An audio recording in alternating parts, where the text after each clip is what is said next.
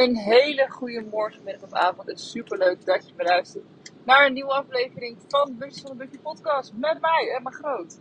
En deze podcast neem ik nu voor de tweede keer op. Hoe komt dat? Dat komt omdat ik al bezig was met opnemen. Maar uh, mijn auto viel uit, omdat ik niet zo snel wilde optrekken bij de rotonde. En toen stopte mijn opname. En toen dacht ik later dat ik hem ook weer kon pauzeren en verder kon gaan. Dat er gewoon een spatie tussen zat. Maar uh, toen heb ik hem al weggeklikt. Dus ja, dat was heel fijn. Dus nu moet ik even opnieuw beginnen met mijn podcast. Nou ja, dat doe ik dan met veel liefde voor jullie. Het doel van de podcast was, daarom praat ik een beetje snel. Ik wil hem onder de 10 minuten houden. Dit is gewoon een pak, hapklare-achtige uh, stuk content hebt. Dus dat staat voor je op de planning. En we gaan het vandaag over vervoer. En uh, dat is natuurlijk ook toepasselijk als mijn auto net uitvalt voor deze rotonde. Uh, maar ik wil het met jullie gaan over vervoer. En dan voornamelijk over het stukje besparen erop. Maar misschien ook het slimmer omgaan en meer combineren ervan. En nou ja, uh, zie maar waar het heen gaat, maar niet van een stukje vervoer versus geld. Oké, waar ik het allereerst jullie over wil hebben is een soort algemene basistip.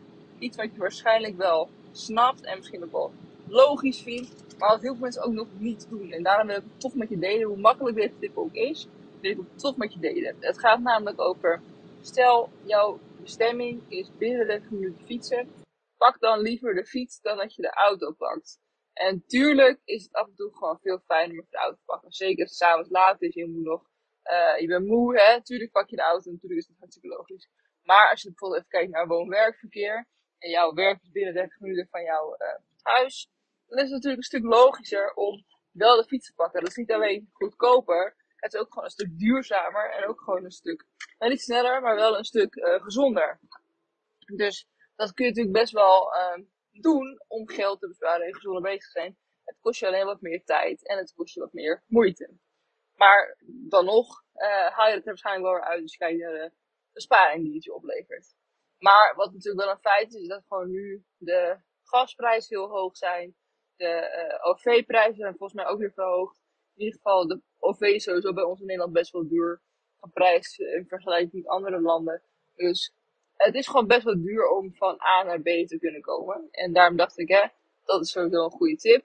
Maar um, er zijn genoeg mensen die dat best wel goed snappen en denken, ja, dat snap ik allemaal wel. Maar ik heb toch gewoon vervoer nodig, zoals bijvoorbeeld ik. Mijn, uh, mijn uh, werk zou fietsen, ik denk anderhalf uur, twee uur zijn. Dat is niet te doen. En met een auto is het een half uurtje.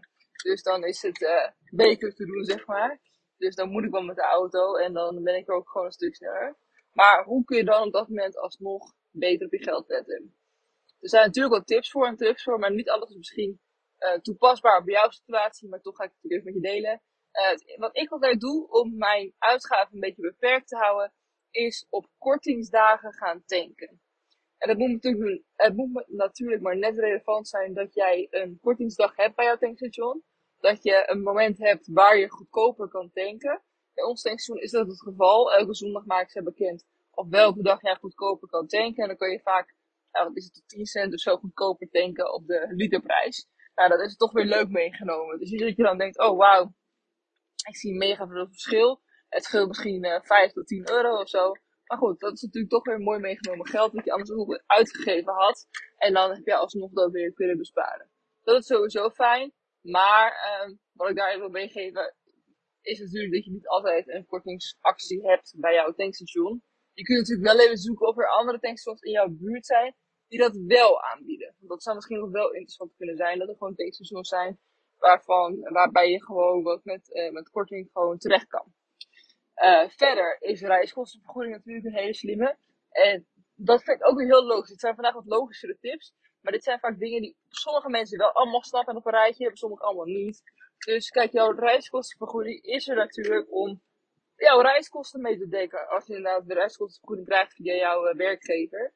Dus dat betekent ook dat je daarmee je reiskosten moet gaan dekken. Dus zorg jij er dan ook voor dat je die reiskosten apart houdt en daar echt voor gebruikt. Dus stel, jij hebt minder kosten gemaakt dan wat je gekregen hebt aan reiskosten. Verwaar je dat geld dan ook om later een keer weer te kunnen gebruiken als je meer geld nodig hebt dan wat je gekregen hebt.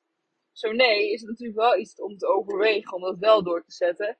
Want hoe zonde zou het zijn als jij vervolgens een, een hogere uh, benzinerekening hebt door de stijgende prijzen. En die niet kan betalen omdat je niet genoeg uh, hoe heet het, reiskostenvergoeding hebt gekregen. En dan moet je uit eigen zak gaan betalen. Is gewoon zonde. En het is wel het feit dat de meeste mensen nu een deel uit eigen zak betalen, omdat de prijzen zo hoog zijn. Maar wat ik al eerder zei, maar toen waren er niet bij, want toen had ik niet opgenomen, of tenminste stopte niet meer.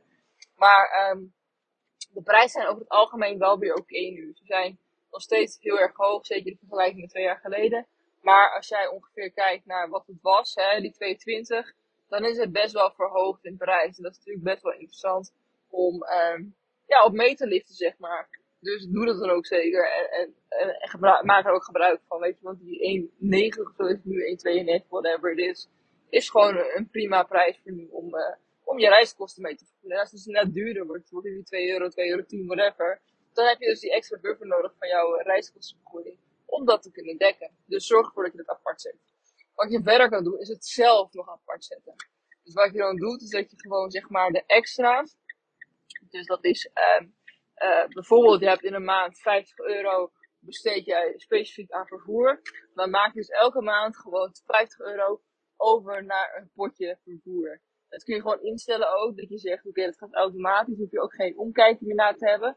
Maar dan ga je gewoon instellen, oké, okay, 50 euro per maand gaat automatisch naar het potje. En dat is waarschijnlijk niet genoeg, maar dan kan je dan daarbovenop nog je reiskostenvergoeding natuurlijk zetten. Of als je geen reiskostenvergoeding krijgt, zet je daar gewoon het hele bedrag in. Bijvoorbeeld uh, 200 euro, 300 euro. Ik weet niet hoeveel je nodig hebt. Maar uh, als je veel reist, is misschien 200 euro wel echt genoeg. Uh, als je weinig reist, kan je dan minder kwijt. Dus bijvoorbeeld 200 euro zit je dan per maand opzij, geautomatiseerd, ingesteld, dat dat op jouw potje terecht komt. En wat je dan dus kan doen, is zodra jij getankt hebt, dan haal je dus het geld terug op jouw rekening nadat je getankt hebt, door weer over te boeken naar je lopende rekening. Zo voelt het alsof je 0 euro betaald hebt. Natuurlijk heb je het betaald, maar dat heb je gewoon eerder opzij gezet. En daar heb je ook veel meer in bedwang dat je die uitgaven veel makkelijker kan doen. heb je minder last van die stijgende prijzen en dat je denkt, wat moet ik hiermee, zeg maar. Dat. Dus ik denk dat ik verder tips vervoer. OV, OV vind ik een lastige. Ik heb er ook minder mee te maken. Maar ik vind ook het OV is inderdaad gewoon duur. Wat je uiteraard kan doen is kijken naar kortingen. Je hebt natuurlijk van die daluren. Je hebt uh, bepaalde voordeelmomenten. Je hebt bepaalde abonnementen. Je kunt ook altijd kijken, past dit bij mij? Vooral als je vaak met de OV reist doe je niet, rij, reis je niet vaak met OV, is misschien zo'n korting abonnement minder relevant voor jou. Maar uh, mocht je dat één keer per week reizen of wat dan ook, dan is het, waarschijnlijk wel interessant voor jou om een uh, abonnementje te kopen. En dan kun je het inderdaad bijvoorbeeld kopen dat je 20% korting krijgt tijdens daluren, maar je hebt verschillende soorten abonnementen. Waar je dan alsnog op kan besparen als je het vaker gebruikt. Dat is inderdaad wel dus, nou niet de voorwaarde, maar wel dus handig als je vaak reist, anders heeft het alsnog geen zin.